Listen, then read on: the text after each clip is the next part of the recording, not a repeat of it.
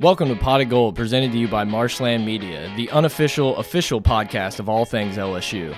If you're joining us for the first time, please be aware this podcast is raw, uncut, and unfiltered, which may seem offensive to some listeners, but now you've been warned.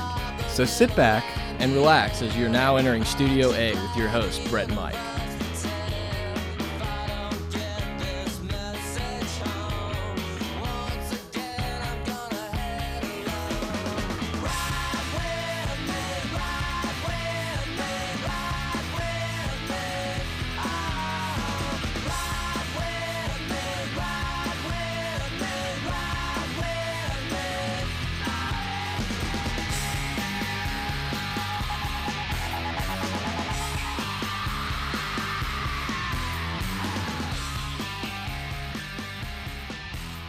Right, guys, Pot of Gold, welcome back. I'm Brett. I'm here with Mike. It's a kind of a sad day. We're gonna talk about LSU's loss to Texas A&M, 74-72. It's something that a score I don't think we ever thought we would say when we were talking about LSU, especially in this year. Uh, you know, LSU's defense giving up a lot of points, LSU's offense scoring a lot of points. Obviously, overtime had something to do with it. Look, Mike was boots on the ground. I'm just going to throw it over to him real quick for him to just kind of do whatever he wants to do and talk about his experience at Kyle Field.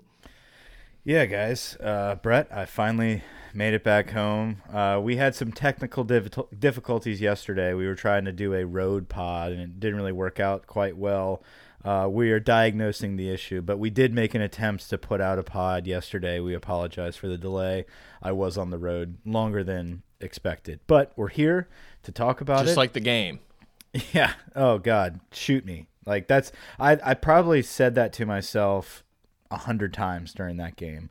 Uh, first and foremost, a big shout out to Kyle for bringing me to the game. I'm sure he's listening today. Um, Happy as can be. Stupid ring. oh, happy as a clam. I mean, he was just he had a great time. I had a great I had a great time being there. Absolutely. Uh, you know, great people. I, I will say this. I was not harassed. I was not yelled at ever. I mean, I, I was not picked on. I wasn't pushed. I, it was no. There was no hostility. Um, Texas A&M fans truly. It it felt almost as if they wanted this so bad, but at the end of the day, they respected the hell out of LSU, knowing that we've beat the shit out of them forever. So they're not going to say shit. You know, yeah, they're- let their they let their coaches and sideline credentialed guys do that for them. Exactly. And the refs, the 13th man. um, which probably should be the title of this episode, but we'll we'll talk about that later. Uh, but no, overall great time and I'm very appreciative to Kyle for bringing me to the game. Now that that's out of the way, let me let me just say this. That was the most excruciating and exhausting experience I've ever witnessed at a football game before. I am completely by myself. There was like no LSU people there at all. It was a dead environment from the get go. Uh, walking around that campus, there's just no heart. There's no soul to that place. It's just stuff. Seriously, there's it, it's it's nothing like a true SEC area. It's just like, oh, we want it, let's buy it, and we'll pop it up. But there's no culture to it. You know, it's oh, we want a new coach, boom, let's get the best thing available. It's boom. It's like they decided they want to be a football school, and we're gonna do whatever it takes to make it a football school in today's age. Um, and I kind of got that feel the minute I got to campus. Uh, we got into the stadium and it was still kind of dead. I felt very worried because I was by myself there, but it is what it is. Great seats, um, but I was surrounded by Ags. Uh, then the game started getting intense and they woke up. They became alive. That stadium was rocking. It was a very intimidating experience. If you were a, a player on that field, I'm sure it was even more loud and intimidating. Um, they've done a great job to build up that atmosphere. The stadium's beautiful, blah, blah, blah, blah, blah. Uh, my fingernails are still bleeding. I was chewing them to the bone.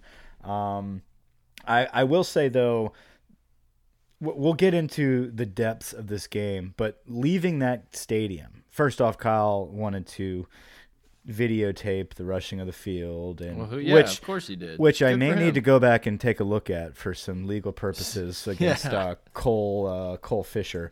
Uh, but watching that happen, I was just like, dude, I got to get out of here. Like I have to leave this. Like I think it was like the third overtime. I'm just like, can we end this? Like, because I know at this moment I started to lose hope, and I was just like, there's no way we're coming out of here alive. Like this keeps going back and forth. It's gonna end bad for us. It's a slow death. I'm just like a pig, just dripping with blood, just waiting to die. Let's get out. It was death by a thousand cuts. I, I, I mean, I'm with you, man. Just watching it at home, it was grueling. It was so hard to watch. I can't imagine being in the stadium or on the field. I mean, hats off to all the players from both teams. They honestly just played their ass off until they couldn't do it anymore. And uh, it's I don't I hate it. Everyone says, "Oh, it's cool to be part of history." No, it's not. I don't like it. I hate it.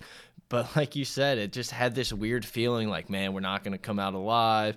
They're going to catch a two point. They're going to do this. And it just it was that samurai sword to the chest and you know you could tell on TV it was a fun atmosphere this game means a lot to Texas A&M their fans their coaches their coaching staff their, their eh, people on the sidelines it was a massive game for them it was a massive game for LSU I think they showed up and you know I don't I think the effort LSU players gave was was perfect. It was on par. You yes. know, they, it, I don't think it was like those Arkansas games we used to watch, and you're just like, man, we just look so slow. I mean, we got exactly. beat, we got beat by a team that's very similar and comparable to LSU, and you know, maybe the refs, we just didn't get the the benefit of the doubt on really any call. Nothing really kind of favored LSU, and you know, uh, you know, the tweets came in from players after the game. Hard to beat a team twice and or five times, and uh, yeah. that's kind of how I felt.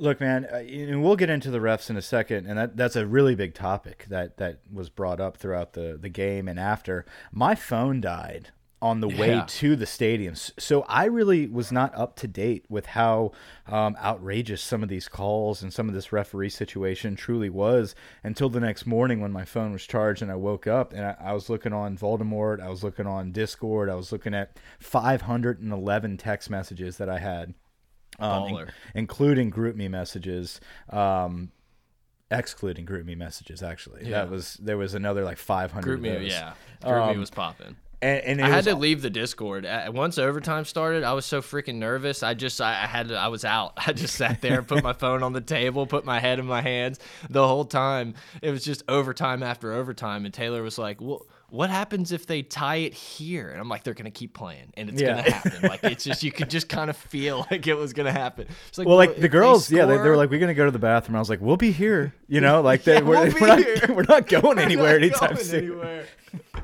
Yeah. So no, but but the only I, I, would say the only amount of hostility that happened during the game was when they started swaying and doing the like fourth quarter stuff. I just stayed put. I sat down and I separated two Aggies from joining hands, and they were just like, "Hey, man, come on, kind of help." I was like, "No, I'm not joining. Not. I'm not joining in on this. I'm the only one here. I'm not going to well, be then that." You would be on ESPN. Yeah, I'm not going to be the only fruitcake in purple, just like ah, da, da, whatever they're this doing. This is tight. This is tight. Right? No, uh, I was pouty and I was just like soaking it in, just nervous as all hell, just like are we going to pull this off? Can we get out yeah. of here alive? And guess what? We almost did. And it was like so many that moment man. when we when we had the interception to end regulation. I was just like, "That's it. It's over. It's done." Like we squeaked it out. Like just get the hell out of here. And uh, everyone left. And I was standing there just like clapping, just like, that was it, man. 10 win season, big bowl game. Here we come. Ed turned the corner. And then all of a sudden, you know, someone I heard someone yell from the back. They're like, "Wait a minute, knee was down." Like I don't know what I he saw. I don't know what he saw because like they hadn't showed it on the jumbotron yet. But like maybe he thought that I don't know. And then they showed it, and I was like, "Oh, here we go. This is it." At that moment, the doubt really set back in. I was like, "We got to do this shit for a yeah. long time to come." But. Uh, after the game ended, we left, and if anyone's been to Kyle Field, you'll know you go under this like tunnel to get out of there. Okay, there's like this uh, this crossover, this bridge on top of you. You're underneath it, and you walk up this ramp, and it's literally like the entire stadium is under there with you, leaving. Okay, uh, I was in a sea of happiness, and I had to get the hell out of there. But we were stopped. The traffic was stopped in front of us, uh, pedestrian traffic, for the parking garage to let out a few people, and so I am trapped in this tunnel and there's like a random person with like a violin, just like do do do do do, and like they, dude, they just start all chanting this like A and M chant, and it is like the most obnoxious chants. They don't carry on. It's not like just some rowdy like drunk Cajuns. It's like a boo boo doo hoo, and it's just silence. And I'm just like, this is like the weirdest shit happening. But it just was like beat the hell out of LSU, woo woo. It's like they already did, they won, and I don't know. I was trapped. I was angry. I left the people I was with to walk by myself back to the car to kind of gather my thoughts, especially for the pod. Um, but all all in all, um, it was a it was a memorable night for breaking records and scoring over seventy points. I you know all the records were broken in LSU history and FBS history, overtime history, all the good stuff. But when you're on the losing end of that, it is it, it's just beyond heartbreaking. Yeah, and you know, next time you're watching a game on ESPN and it goes to a fourth or a fifth overtime, all we're gonna have to see is Texas A&M scoring, and what we're not gonna see is the the bullshit flag against Greedy Williams. That I mean, we should have been in eight overtime there, and so that I don't know. That's the one that I get the most. But look, guys. Hit us up on Twitter at pot of gold, pot of gold at gmail.com, patreon.com slash gold, storyboard, Discord links below. Um, I know, Mike, you want to read a review? Yeah, uh, so we got another great review here. It's uh, my favorite segment of the show. This one's from Eddie four eight two three six. Five star review. He titled this "Enjoy the Conversation." Uh, the show takes the place of something I have been missing since college, and that is sitting around the frat house and talking LSU sports. The guys are knowledgeable enough, more than my frat brothers for sure, but are the number one fans just like my frat brothers and me. Great concept for a pod, and I hope they keep it going. You think he was in a fraternity? I was gonna ask you the same question. I think. Look, man, thank you very much Ed, for the review, Eddie. Thanks, thanks for uh, the review. Five star review. That's What's the exact up? idea that we had. Guys sitting around talking about football, and that's what we that's what we do here. So In share it with all house. the frat bros. Yeah, yeah. share thanks, Eddie. Appreciate the good review. Um, I know you're in a frat, but uh, we are your new frat brothers. That's the way. Yeah. That's the way we roll. Pot of gold brotherhood. Um, so Do you know how many times I turned to Kyle and I was just like, "It's over, bro. Good game. I mean, like, good game. It's over. Like, wait, wait, and like that's what, yeah. dude. Literally, we said that for hours. Good game, bro. It's over. Wait." Um, and that, that that really just sums up the night there. Um, let me say this: I didn't know much about the referee situation uh, at all until I woke up the next morning. So I wasn't really all on that bandwagon until I went back and watched a lot of the video. Um, from the game, though, from being in the stands, what I will bring up is the no review on the fumble. Uh, Sternberger, whatever the tight end's name is, when he caught mm that mm-hmm. pass and got smoked and the ball came out. I'm in the stands. I stand up immediately and was like, "That's game. It's over. That's a fumble. It's over.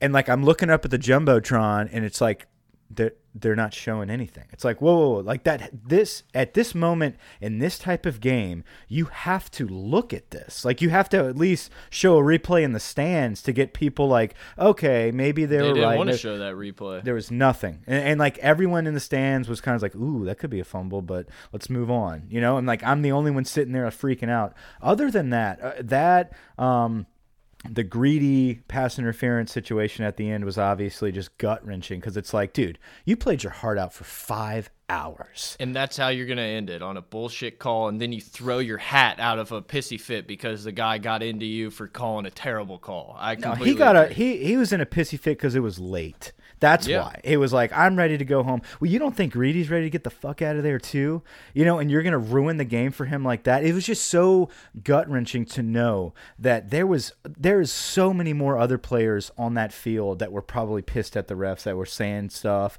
from both sides of the football. Um, probably more LSU's end, but you don't do those type of calls in those type of situations and blow a game for somebody for a team um, eh, that has fought this hard to score this many points and, and just claw their way back into it and just give it away like that. Um, but let me let me say this: we had ample Absolutely. opportunity regardless of what the refs did to win this football game. And that is my biggest gripe is that we had no balls to end it whenever we had 4 yards to get a first down and take a knee and get the hell out of there. We do not have a dagger play. We didn't have a cutthroat play. And then all of a sudden we're in overtime and it's like whoa where the hell has this play been? That like there were so many plays where I'm just like why do you not run that on 3rd and 4 Mm-hmm to end the game and get your 10th win of the season? Why can't you trust a Ja'Marr Chase slant? Why can't you trust a play action and just go for the dagger and just kill it? Instead, we're going to punt it away and try to trust our defense. Like trust I our get that. defense, man. It's get something it. that LSU has done for 20 years, though. Like, no, I, I'm, it I'm, is. I'm It is. It's a great look. If, if we get a stop, it's over. It, it's over. Yeah. Look, I'm, But- I'm with you. Like, I, mean, I I 100% agree that you just try to go for the kill shot there. But I also knew it wasn't coming. Like, I was just so sure that that's what we were going to do. We were going to trust Dave Aranda, trust our defense. And our defense almost did come up on the right side.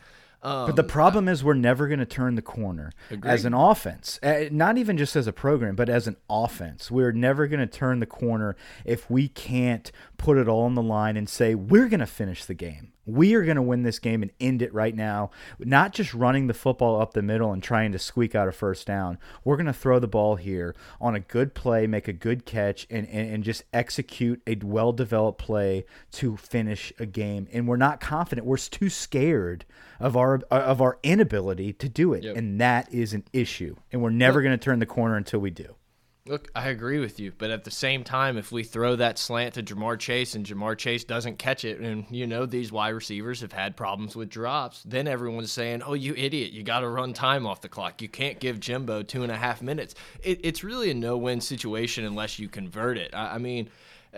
So many games each week, the pretty much exact same scenario happens. Sometimes they go for it, sometimes they just run it and kill the clock, and you never know. Like the games end differently. Like I don't know that there's one right answer. I think I agree. I think the the best thing to do is to be aggressive and say, you know, your offense isn't getting the ball back. We're ending it here.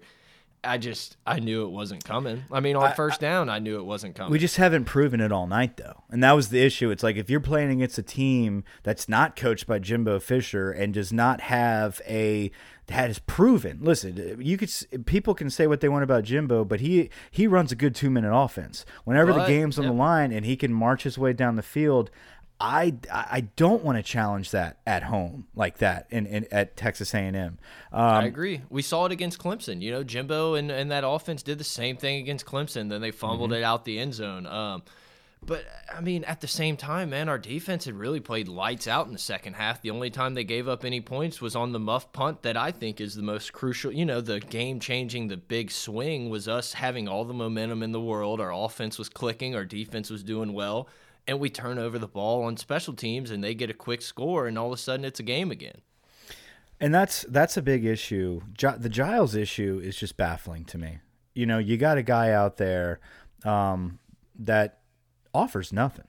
I mean, l- listen, if the reason he's out there is for his hands, the minute you muff a punt, get the hell out. You're done. But he looks shook back there. Like even before this and in earlier games, look, I don't I don't want to sit here and just bash this kid because it seems like he's in over his head. He's just not so ready. remove him from the situation. Yeah, I agree. I agree. I blame the coaches. I don't really blame the guy. I don't think it's Giles' fault that he's not really equipped to be this Yeah. punt return game changing guy in the SEC. That's a coaching problem. We got to find one of these 85 scholarship players that can catch the ball and make a move. And I mean, dude.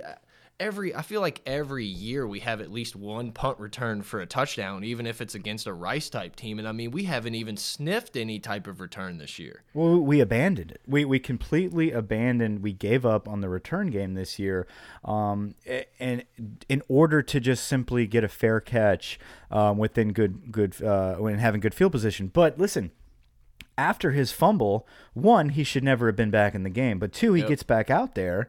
And he fair catches with just uh, just so much grass in front of him, dude. I'm standing up by myself in the stadium with my arms up, being just screaming like, "What the hell are you looking at? Why are you back who, there?" I don't know who it was, but one of like the our gunner guys like looked at him and like had his hands up in the air, like, "Are you serious on that one?" But at the same time, like a guy who just muffed a punt, I don't blame him for being like, "Oh shit, if I fumble here, like I may, you know."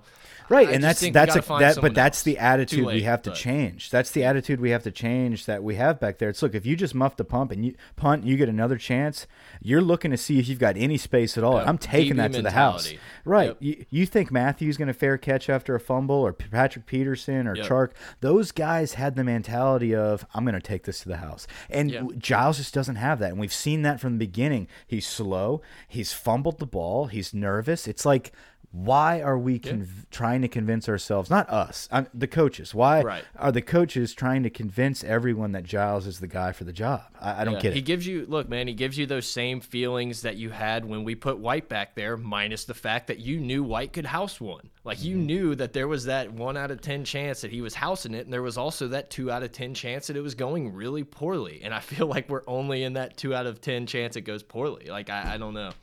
It's too late to do something now, but that yeah, I mean that finally came and bit us in the ass at the worst possible time, Mike.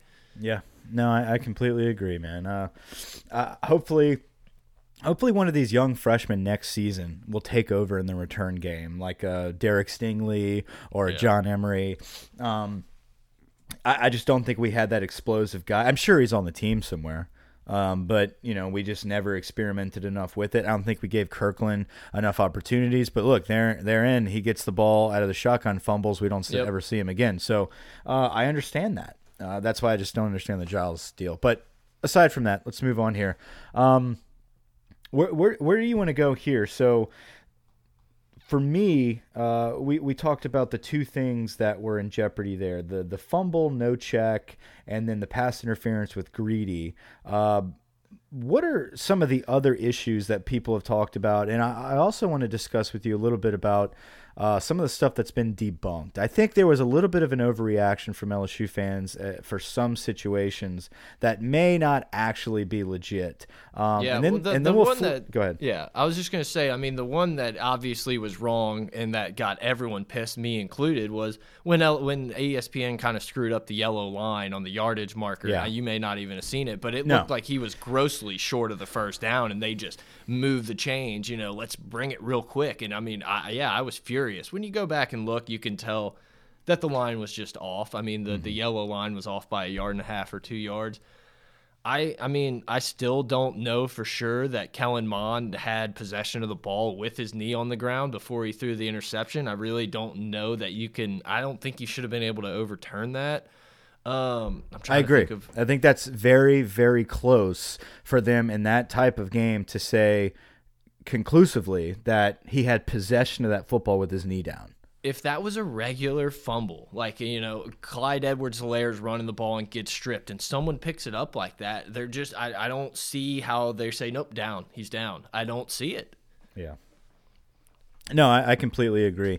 Um, so they had that play. They had the line of scrimmage play where there was too many guys on the line of scrimmage. I believe that one was filtered out. I, I think some people put something out about how it Bullshit. was. That's what Yeah, I say. if you're gonna tell I me that's if you're gonna tell me that's not an illegal formation, then I don't watch the same football. You, oh well, the waste of the center. It's like either there was two guys in the backfield or there was ten in the Yeah. backfield. That's not a legal formation, and that's such a stupid nitpicky thing to say. But at the same time, that's a flag game over. You have to be able Mm-hmm. Exactly. to get in the right formation to spike the ball. You know, it's just that's the rules of the game. Uh, there was a false start that was never called. Uh, apparently, Trayveon Williams was leaning. Ab- and no, it was yeah. I mean, it was a half step. I mean, he literally like lunges and then just nothing.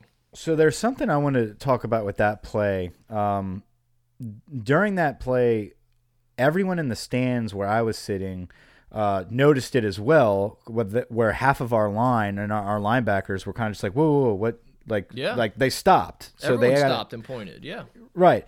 We heard whistles. So so we were like people sitting around me were just like, why'd they blow the whistle if they weren't gonna stop the play? Like they were very adamant. Like the A and M fans weren't just like, hell yeah, got one on you. It was kind of just like, well, that's not right. You know, that's some home cooking. Like those exact words were said by A and M fans. Man, that's some home cooking. Like Well, and look, man, I understand that you know it was probably a tough thing, and the guy made a mistake. But they run an option at one point, and I think it's Phillips is almost in the backfield before the ball's even snapped, and then they're just like, "Uh, actually, it wasn't in a a, a false start. The guy was in motion, so we're just gonna replay it." It's like, wait a second, like, come on, like we, it's just like we never, nothing ever fell our way, and just to like round out the whole type of referee thing, the ass slap the ass slap was I don't get it. Don't, and he's like staring greedy down as this ref comes up. he's like, "Good shit," and like slaps well, this dude on the ass. Was that like, after that dude got up and like wrestled with with uh with greedy? I think it was the same thing. Yeah.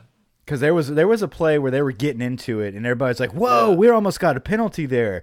And like looking back now, I should have turned around to those A and M fans and be like, "No, dude, y'all weren't getting a penalty at all tonight." Yeah, when one dude puts his hand in Greedy's face mask and shoves him like right in front of a ref, just not nothing. But to, to, if you're gonna tell me that this team played four quarters and then seven possessions of overtime, and Texas A&M had three penalties, I'm just gonna say something's off. Like there's just no freaking way. Alabama's the only team that gets less penalties in two games.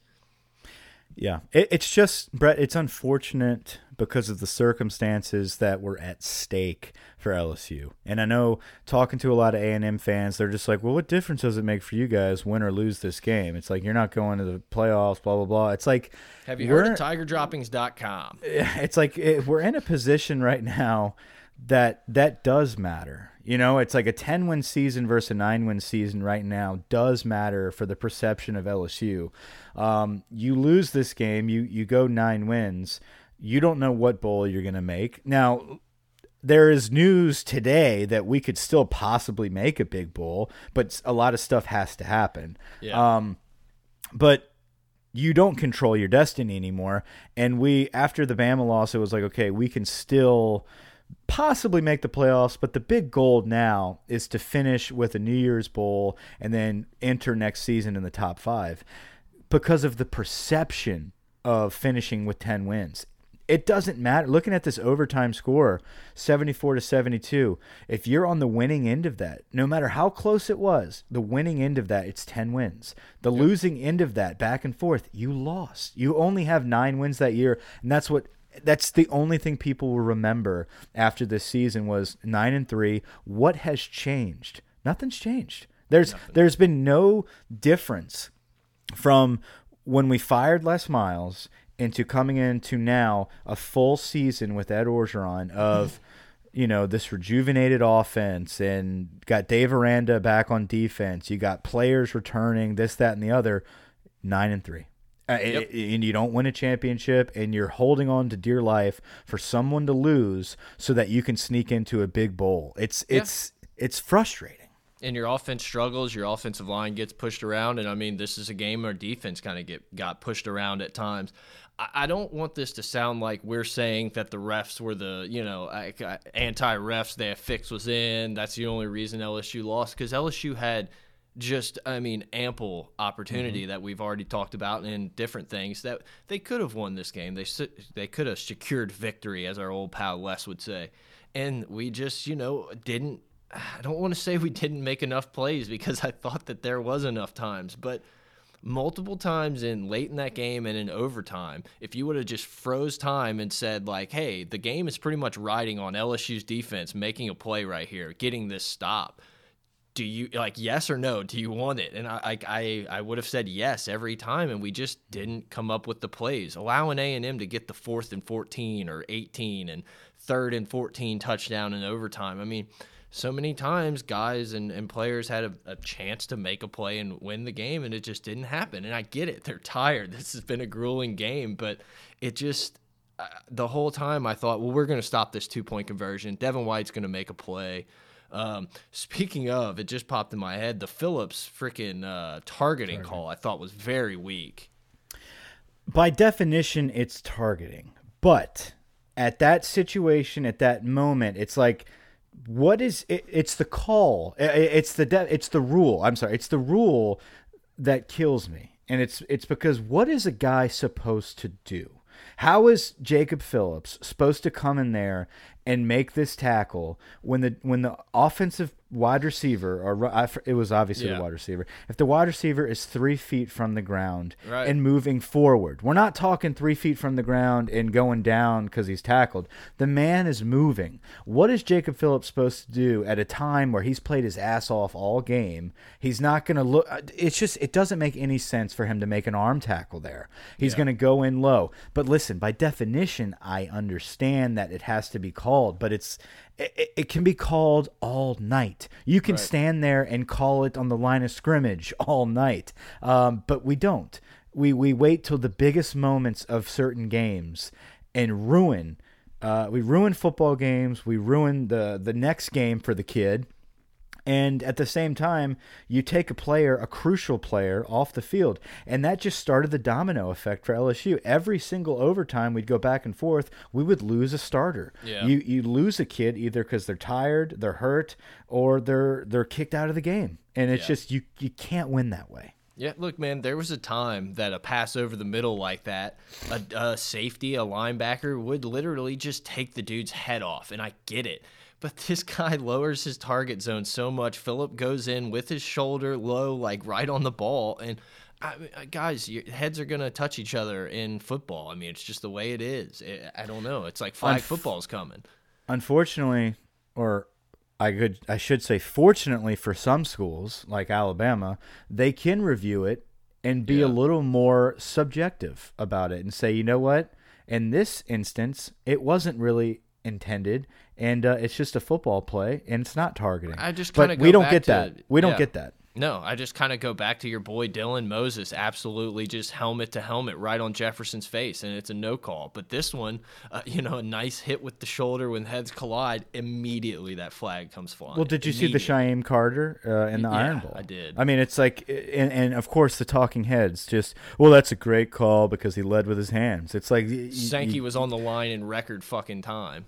Yeah, you didn't give us that benefit of the doubt with Devin White, though. We had to put up freaking billboards Yeah. for anyone to notice the type of play he had. But, um, that's listen. The discussion about the refs and the SEC and the conspiracies. Uh, we're, we're gonna let y'all in on a little secret here. We've got some stuff brewing for our off season. We're gonna do a little uh, do a little podcast series about that, and we'll we'll figure some stuff out. Have a lot of good discussion. Some uh, scenarios for LSU, which will never happen. But hey, what if we go independent? Who should we play? This, just fun stuff like that to talk about, which will never actually happen. But I think after this season, those type of topics have been brought up enough for us to kind of dive in for an off-season episode. So that's something to look forward to. Yeah. Um, after the game was over, the next biggest news of the Yeah. night was a fight. Um, Cole Trash Fisher, who is um, Jimbo Fisher's nephew, was apparently listen. There's multiple videos out there. Uh, there's a lot of hazy stuff going back and forth, but first and foremost, it's not just Trash Cole Fisher. Dameyune Craig is a Yep. piece of shit. He's the one who started it. Absolutely.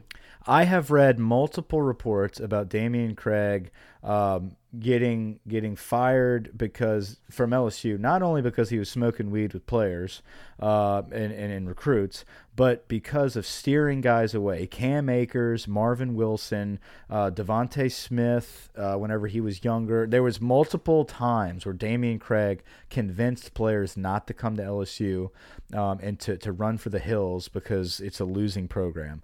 Uh, while he's on staff, while he's being paid by this university, he is a awful human being. He's a shithead. He should not be around student athletes. Um, and he A hell is of just a role model. yeah, n- he's not a model American. Uh, but he comes running across the field, jaw japping on our sideline. And look, you can tell Kragthorpe was was was aggravated by the situation, but he doesn't lay a hand on anybody. Uh, the He's like a first 55 year old man. I think he's grown up enough not to get in a fight Yeah, after a game. Like after with a a game very serious kids, yeah. Like uh, th this is a guy that's not about to go start a fight with Parkinson's. Right. Um, runs over probably to settle Craig or get the, the hell out of there. Um, and he just gets he just gets smacked by Cole Fisher, uh, Jimbo Fisher's nephew, um, right in the pacemaker. He actually has to go to College Station um, medic to receive medical attention. Um, and now that he's back home, he's got to go to his neurologist to make sure everything is working fine with the pacemaker. There was an article put out about it. He put out a statement that he's not going to press charges, but he has not felt this bad um, in a very long time. Uh, this is a man with a very serious condition. Um, and, and what kind of coward takes a strike on someone like that? On it's anyone. Just, um, on It's unseen on anyone. Yeah. Yeah. there was reports that you know Texas A&M staffers, maybe obviously probably Craig and included, were getting in like LSU players' faces, and it's like, man, after a game, after any game won, like it's about the players and the the kids, the student athletes, if you will. And eh, look, if all this stuff is true, I think they should file like criminal charges against this guy. I mean, it's ridiculous to have that on the sidelines. And just to kind of like talk about that in general, it was you know it's like third overtime and you see a guy walking over to the texas a&m bench and jimbo's just an asshole getting in his face yelling at him and stuff. And then they pan it over to lsu sidelines and ed's clapping. He's getting the guys up and it's like hey guys it's more football. Like i love this. And mm -hmm. I'm glad that that's our guy. Like, you know, I thought it was pretty bullshit that every time Kellen Mond, a dude who's giving Jimbo everything he has for five hours, is getting jaw jacked and, you know, talk, and Jimbo's just kind of pissed off at him. And I loved Ed's demeanor. Yeah, Ed got pissed on the sidelines. It seemed like he had some words for Dave Aranda at times, but with the kids, with the players, that I don't I hate calling them kids. These dudes are men, but mm -hmm. he was never just like a dick to them. He would try to get them motivated, and I don't know, man. I'm I'm freaking I'm happy Fisher's not with us. I, I think he fits perfectly with him Brett, and his trash this. at Texas we, A&M. No, man. I mean, dude, he's just a piece of shit. I mean, I, cares, he's he's Urban Meyer that has a Southern accent. That's what he is look, I, I would love Jimbo Fisher. I, I think he's a he's a great offensive mind. I think he's a quarterback whisperer. He's someone that we need for this program. I'm by no means saying that I'm not happy with what Ed Orgeron has has brought to our our table and what he has never backed away from in being himself. And I think what you saw on the sideline that night was himself and not quitting. He's not a quitter. And I, I think him keeping our guys motivated. It, that atmosphere would have been so easy to just yeah. giving up in the first overtime. That's what I thought was going to happen too. I thought the first overtime was, was going to happen. I was like, we're done. Yep. And, and, to go back and forth like that is a reflection of the coach. And to be able to to stand tall and, and give it everything you got because you had something. He convinced our guys we still had something to play for. Um, and and you could be right. Maybe Jimbo Fisher in the same situation does not get his guys that motivated, and he's simply an offensive minded guy, X's and O's genius that you know knows how to coach a, a call a football game. Uh, but with that being said um, I, I, think we need a more cutthroat attitude offensively, and that's what's holding us back. And I think if I if I'm mad about anything from this football game, um, it's it's it's about not having that dagger. It's about not going for the kill shot offensively. Um, basically at all this season aside from the Georgia game. I think the Georgia game we took shots and we kind of had that mentality of we're going to give it everything we got. We're going to throw the kitchen sink and if it works it works. If it doesn't, we gave it our best shot. We got really conservative as the season went on because we just were too scared to lose. We just we were so close to having a 10-win season. We didn't want to blow it. We didn't want to hmm. blow it on something stupid. And it's like we've we've got to take that next step. And I think Ed has it, we've seen this now from Ed um, in in bowl games. We saw it in Florida his first year. It's just there's something missing, and I I don't know if it's his confidence in some of the players. And and feeling that we're just not quite there yet, and maybe he just doesn't have his full squad together just yet for him to be confident enough to to go for the kill. Uh, but I feel like that's what we're missing. Yeah, look, I mean, the first two drives, we started off with really good plays on first down, and then we just can't can't do anything after that. And I think that's kind of just a a telling telling uh, tale of LSU's offense. I mean, and look, Joe Burrow showed a ton of poise. I mean, he took a lot of hits in that game. He put a lot of good throws out there. It just, man, whenever I watch that game, LSU, anytime LSU tried to run the ball, it seemed like the defensive line for Texas A&M was in the backfield immediately. Whenever Texas A&M is trying to run the ball, it just seems like the seas are parting. I mean, they're just getting like the push goes three yards in in the opponent's direction on both sides of the ball, And it's just like I don't know, man. I, I, would love to see us be able to push dudes around at the line of scrimmage and have these giant holes for these guys to run through. I don't know. Um, yeah, I, I don't want to be too critical of our coaches, but I, for some reason, I feel like our offensive line has gotten worse throughout the season. Where in years past we would start off as a very shaky group, but towards the end yeah. of the year, our offensive line would turn into the strongest part of our team. Where this season we never saw that happen. We saw guys kind of regress, and I don't know if that's a reflection on James Cregg. At the end of the day, the buck always stops with the coach. So, yep. uh, you know, uh, you, you got a guy like Saahdiq Charles who the week before is getting tossed around like a rag doll against Rice, where he's coming into the season your best lineman. It should never happen. And when you go against SEC players uh, at, at A&M, if we're not going to take strikes and we're not going to go for kill shots and we're going to put it in the hands of our running back to get four yards or the hands of Joe Burrow to run the football, we need to be able to trust our offensive line. And right now they look like dog shit. So yep. uh, we need to improve as the season goes on instead of regress in all areas. Yeah. Look, something that jumps out to me too that I just don't want to I don't want to forget talking about. There was a overtime, I don't know, it might have been the fourth. They all meld together into a giant pile of shit. But LSU stops Texas A&M. Texas A&M kicks a field goal, and it seemed like LSU was just so okay with like taking a field goal there and kept playing it's like I just wish, I wish, wish, wish we would have seen the Helaire pass to Tory Carter. If we would have thrown the ball three, four times trying to score in the end zone, turned it over, didn't you know somehow lost that game that way, I feel like I would have been so much more okay with it than us just running Burrow like three times, calling a timeout to run QB power left. And I don't know, it just felt like we just uh, we were too scared to try to win the game. I mean, it's something you kind of talked about. There's just not that killer instinct, like let's go for the jugular. But you see it at times. I mean, it's like first down and we throw this 25 yard pass to Dee Anderson on the money, or we toss it to Helaire for this tight end or this running back, uh, fullback connection on a touchdown pass. It looked beautiful. But like when all the marbles are on the table, when it's like, what's your one play? I don't think we don't have it. It's just not no. there. And that's that's that's what I'm saying. The issue is like we we've got them somewhere. We've got them, and we saw them whenever we, we had to do it. But the to have the foresight to do it whenever you when we were still in regulation like that mm -hmm. the foresight to pull out those stops to pull out something like that to end it can you imagine on that third and four ending that game with that Tory Carter pass? I mean, just absolutely. like, whoa, where the hell was that? Or that beautiful two point conversion to Justin Jefferson. It's like, wow, where's that pass been all night? Like, why can't we run that during the game? Why is it always when when when something is just like? Uh, and look, here's the thing, like you talked about though, man. If we if we come out with a victory there, uh, and, and we're we're looking back at some of those plays, being like, man, if when we really need it, we've got it. But yeah it never should have come to that. We I had just, so many opportunities. Yeah. I've never sat there. I've never seen LSU be on the goal line or in a two point conversion and then have like five seconds into the play have the guy crossing across the entire field and open in the back of the end zone. Like we don't get that. Somehow Texas A&M does, but we don't. And I thought, you know, a lot of people are not too happy with the defense, and I mean, I think you should be. There was highlights, lowlights, and everything, but a lot of guys were missing. I mean, a lot of guys were playing that haven't gotten a ton of experience. Baskerville gets blocked by the referee, which was another one we didn't talk about. Ed Paris is in there trying to cover these guys. It's just it was a it was a tough one. It was a tough one, and there's a lot to build on.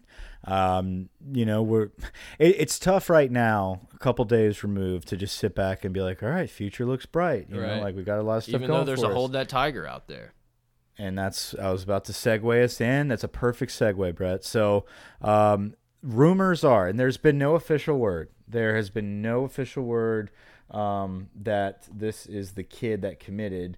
Um, but if it is, I'm sure you would all have already heard it by tomorrow when most people listen to our podcast the next day. Um, so hopefully we get this right. But we have heard it through the grapevine, and there's rumors circulating. But again, nothing official just yet. Um, that a 2020 quarterback, Max Johnson, four-star quarterback from Georgia, has committed to LSU tonight. Uh, so fresh off of a loss to Texas A&M, our guys are out recruiting their ass off and getting commitments um, by not just a scrub, but the top quarterback out of Georgia. uh, a four-star player, the number fifth ranked quarterback in the nation. Um, he his dad was an NFL quarterback. He is a kid that's being highly sought after, um, and uh, came in on a visit recently, I believe, for the Rice game, and talked a lot about how he loved how we used Joe Burrow. I mean that, you know, I mean uh, we're we're doing the right things in the right areas. If we can keep a kid, look, it's 2020, Yep, so a lot of time between now and signing day in 2020. every time I see a hold that tiger, especially right now, we're on the verge of December. It's like if it's not a 2019 kid that's about to sign with us, I'm not super stoked. I'm obviously excited. Um, he would join a 2020 class that is led by another quarterback in TJ Finley. So that would be another great battle. Two four star quarterbacks to duke it out and see which one can take the reins. So if that is indeed the get, um, and and I'm sure we'll find out in a few hours or whenever from now if it's official or not. Uh, but the word on the street is that the commitment that we got, the hold that tiger, is 2020 quarterback Max Johnson. Yeah, like I said, long time till 2020, but Ed Ed Orgeron knows how to recruit. He's hired guys that know how to recruit. Uh, I don't think lacking talent is going to be the the downfall of Ed Orgeron. It's going to be the same thing that it was with Les Miles. It's like, will you hold on to your offensive coordinator too long? Are you unwilling to to adjust to that type of thing? It's just we'll have to wait and see, man. I mean, this bowl is uh, it's going to be a big bowl game. Yeah, it, it, it's. I mean, do you think we get Fiesta? I mean, what's the uh, what's the word on the street there? I really don't know. I think it's going to depend on how the rankings come out tomorrow. Uh, we'll be able to see a little bit more where they have LSU, but I, I don't know, man. I, it's just such a exhausting game. It's just it's, It's hard for me to look at that right now. It's been an exhausting season, Brett. Yep. It's been an up and down year, um, emotionally draining. Um, there's been some great highs and there's been some low lows. Um, there's been some progress and then there's been some step backs, and that's that's what's so heart wrenching about this A&M loss is that there was so many moments where we could have ended it and that we were ending it in the process of ending it, and we would just take a step back and say, "Shit, here we go Yep. again." Oh no, we got it. Nope, here we go again. So uh, I feel like that kind of defined the season. You Yeah, know, the overtime in itself is a reflection of our year. A lot of highs, a lot of lows, and at the end of the day, it just ended on a sour note. So, um, hopefully, we can pull through and get a good bowl, and then finish with a top five recruiting class, and have some type of, regardless of how that night went. Um, you're going into next season as a top 10 team Yep. with everybody that you have returning. It would just it would have been really nice to get a little more publicity, a little more um, you know, I don't know, a little more discussion uh, to catapult us into the top five. But Yep. we'll see what happens there. I don't know. Um, we're gonna meet later this week probably to do another uh, storyboard podcast, and then maybe discuss a little, just kind of roundabout season recap. Um, and then obviously, and as the future goes on, we're gonna have a bowl game podcast, and then a, a big one for our signing day special. So, a lot to look forward to. Yep. Hit us up on Twitter, guys, at pot of gold, pot of gold at gmail.com. You know the rest. Patreon.com slash gold, Discord storyboard link below. Mike, send us out. Yeah, guys. Once again, thanks a lot for listening. Uh, rate and review us on iTunes. We love the review segment. Um, and like I mentioned uh, a minute ago, we've got a lot of good p- stuff coming for the off season. Uh, but we're not there yet. Yep, the we'll off season is not here. We still got a bowl game. We still got some signing day specials to come. Um, a lot to look forward to, guys. Don't hang your head too low. You could be me. I'm missing some fingernails. Over and out.